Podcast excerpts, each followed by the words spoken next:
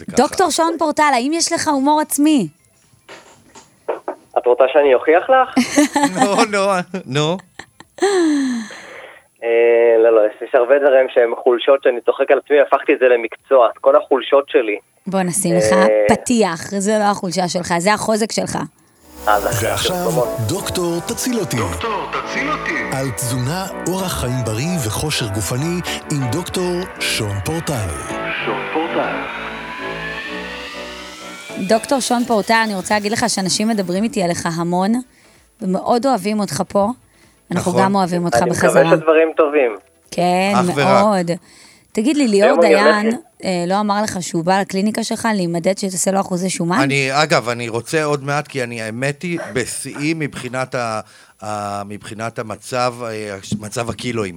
אני באמת, מה באמת... הגובה שלך, ליאור? מטר שבעים וחמש. כאילו, מה אחוזי אני שומן? חשבתי שאתה דווקא מחכה להגיע מושלם. לא, אני מטר, מטר אה, שבעים וחמש, ועכשיו אני כבר שוקל שמונים. ירדתי מ-86. זה עדיין BMI שדוקטור שון פורטל לא מאשר. אבל זה נורא, זה מדהים. תשמע, זה רק מהשיחות שלנו, עוד לא לא, נפגשנו. אני, אני לא צוחק איתך, לפעמים, דוקטור, אני רוצה להסביר לך משהו, עד כמה זה יושב אצלי בראש, לפעמים אני אומר, אוקיי, עצם זה שאני עושה כלים, אני זז בבית, יש לזה משמעות. היום יש חשבתי לזה- עליך גם, כשניקיתי את הבית עוד פעם, סידרתי יש לזה את ה- משמעות. תגיד לי, דוקטור שון פורטל, פורטל, לזה אני קורא מחונן, את יודעת.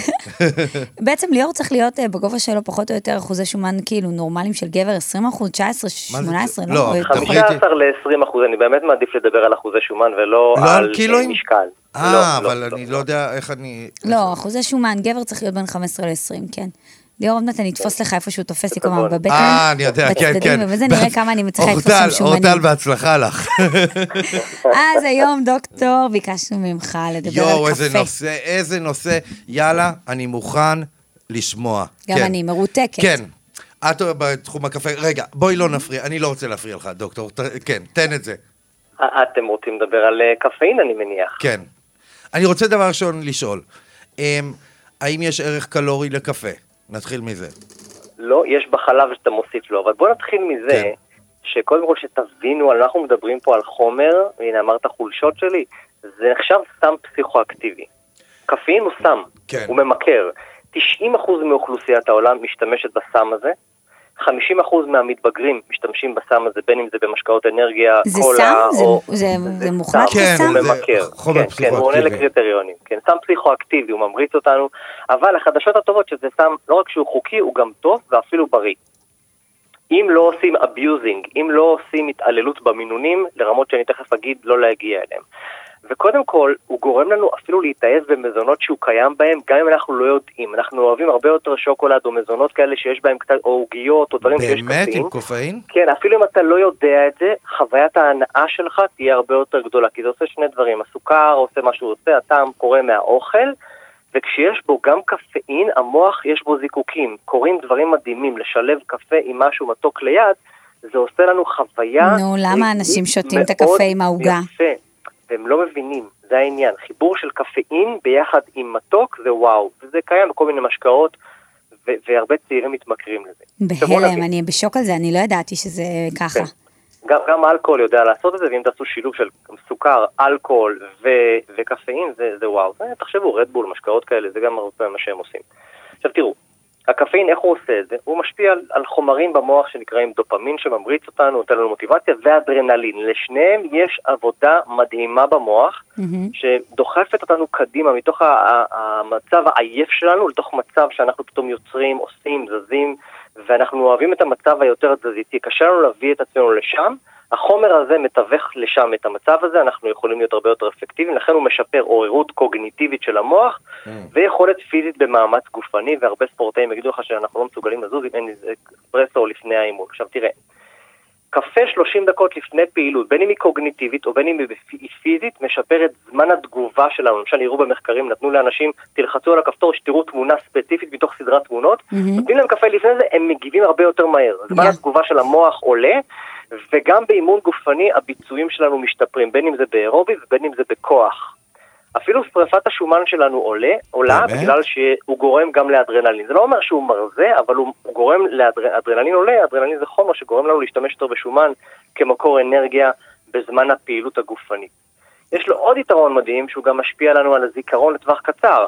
ואנחנו רואים שאנשים שנגיד אה, אה, לומדים וצורכים קפאין תוך כדי, ואגב המחקרים מראים שאפילו אם תצרוך את זה אחרי שלמדת או שיננת טקסט, אתה תזכור אותו טוב יותר אחר כך. זה, זה מדהים להבין שדווקא להקפיץ את האדרנלין, לא, לא משנה אם זה עם קפאין או אם זה עם אימון, אחרי שלמדת משהו, שיננת אותו, אתה תזכור אותו טוב יותר. אז זה חשוב לדעת, לא רק בזמן. תגיד, ו... אולי אוקיי. השפעה- עוד השפעה אחת אני אתן לכם, ואז נלך לשאלות אם יש. הקפאין יש לו גם השפעה מדכאת על הרעב. הרבה אנשים רעבים או מרגישים צורך לנשנש משהו, לוקחים קפה, זה עובר להם, כי זו אחת ההשפעות, יש לו השפעה על הורמון שהוא מדכא רעב, ובזה בעצם אנחנו מבינים איך אנחנו יכולים אה, לקשור את דוקטור פורטל, עד הנושא הזה עכשיו אה, להרזייה אפילו. יצר- יצרת, אה, רוצה להתחתן עם הקפה. אבל לא להתמכר אמרתי, אני לא רוצה להתחתן אבל איתו. אוקיי, איפה, מה היית. מגדיר כבעייתי? כמה, דבר איתי בכוסות קפה ליום, נניח, מה- מה בעייתי? קודם כל, כל ההשפעות הקסומות האלה שאמרתי קורות שלוקחים מינונים שנעים בין 1 ל-3 מיליגרם אה, קפאין למשקל גוף, אין לכם מושג מה זה אומר. לא, בוא דבר אבל איתי, נגיד כל כאילו. קפה אחת אומר X סביב 100 מיליגרם קפאין, אז אה, נאמר, אדם צריך בין 100 ל-400, אלה המינונים, אבל רוב האנשים יסתפקו ויקבלו אפקט בין 100 ל-200 מיליגרם של קפאין. כמה כוסות כדי זה? לקבל את זה. זה אומר כמו כוס או שתיים. בין כוס לשתיים יביאו אותך לאירוע הזה. תיקח אספרסו כפול למשל, כן. אתה יכול להגיע לאזורים האלה. אם אתה שותה קפה ברמה גבוהה מעל חמש כוסות ליום, ההשפעה של זה תרד בצורה משמעותית. אתה תצטרך לקחת כמויות קפה גדולות יותר. אז מה שמומלץ לאנשים כאלה, זה מדי פעם באופן יזום להפחית קפה. זאת אומרת, תגיד לך, מה, אני לא יכול בלי קפה?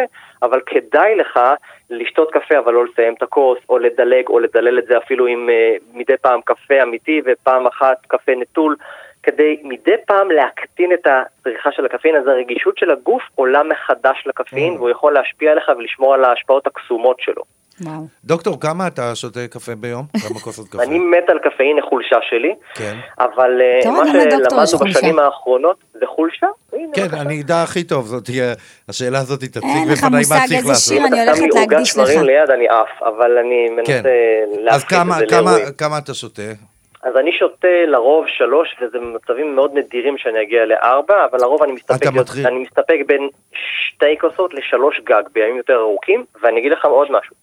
קפאין, וזה חשוב שתבינו, כן. קפאין פוגע בשינה גם אם אתם לא שותים אותו שנייה לפני. בשנים האחרונות למדנו שההשפעה שלו קורית אפילו שמונה שעות אחרי ששתיתם אותו. אנשים שותים קפה והולכים לישון, אומרים אני נרדם בלי בעיה.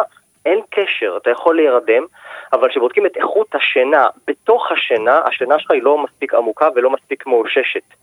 אז צריך להיפטר מזה. אני מנסה להיפטר מקפה בשתיים, שלוש אחר הצהריים גג, שהייתי שותה פעם קפה גם בשמונה או בתשע בערב, כי זה היה עוזר לי להרצאה או לכל דבר אחר, והייתי רואה בכל מיני אה, אינסטרומנטים, כל מיני שעונים ותכשירים ש- מכשירים שבודקים את איכות השינה, הייתי ישן לא טוב בלי לדעת את זה בכלל. והיום אני מקפיד לסיים את זה הרבה יותר מוקדם. תשמע, אז אני באמת, אומר- נו כן, אז רק תסיים את המשפט שרציתי להגיד, כי אני פשוט, אה, אה. עשית לי יום- אז- יום טוב. אז מאוד חשוב ככה, אם אנשים, יש אנשים שלמשל בצהריים מתרסקים מעייפות ופשוט לא מתפקדים, כן. במיוחד אחרי ארוחת צהריים. לאנשים האלה, במיוחד אם קמים מוקדם בבוקר, אני רואה את זה אצל ספורטאים וכולי, כדאי לא להתחיל מיד על הבוקר את הקפאין. לקפאין אה. יש מנגנון, אני לא אכנס אליו, אבל אם אתה מתחיל מוקדם מדי את הצריכה של הקפאין, אתה תתרסק גם בצהריים. כדאי לדחות את זה לפחות שעה אחרי הקימה, אם אפשר אפילו טיפה יותר, וזה גורם למוח להחזיק את האנרגיה שלו יותר שעות במהלך היום עד שהוא מתחיל לצבור עייפות ולהתרסק. זה מה שקפאין עושה, הוא משהה, הוא דוחף קדימה, הוא מטשטש לך את התחושה של העייפות, וכשהוא חולף, ההשפעה שלו חולפת, פתאום אנשים מתרסקים. אז שמונה שעות אחרי הקפאין אתה צפוי להיות מאוד מאוד עייף. טוב, דוקטור שון פורטל, תשמע, אבא שלי כל הזמן אמר לי, אורטל, קפה זה דבר טוב, מה את רוצה? קפה שחור הוא שותה אתה יודע שהוא בכלל? מוריד סיכון לסוכרת, והוא אפילו מוריד סיכון קפה זה לאלצהיימר? לא טוב. אז אה, עשית לי טוב על את הנשמה. יודעת מאיפה המקור של הקפה, אגב? מאיפה הוא מגיע? אתיופיה. כן. מוריד גם. סיכוי לאלצהיימר, וואו, מה שהתאהבתי בקפה מחדש, דוקטור שון פורטל, תודה לך, וואו, אתה פינה רק מרתקת. נאמר, פיזיולוג מאמץ הייתי מת ודיאטן, לקפה, אבל מאוחר. דוקטור שון פורטל, פיזיולוג מאמץ ודיאטן ספורט קליני, אתם יכולים להאזין לפינה שלו גם אחר כך אצלנו בספוטיפיי, גם אצלו בעמוד. יש לו עמוד יוטיוב, אתר אינטרנט, עמוד אינסטגרם מוצלח, ואני עכשיו אקדיש לך את ניצחת את הרגשות, זה יותר נכון, ניצחת את הרגשות, אבל אתה ניצחת את הרגשות של יואב יצחק. בסדר? וואו. בשבילי, אני לוקחת את זה, ל- אתה וואו. ניצחת, אבל זה מדובר על אישה, אבל קח את זה בשבילך, טוב? לקחתי. יאללה. תודה, ביי תודה. חברים. ביי, ביי.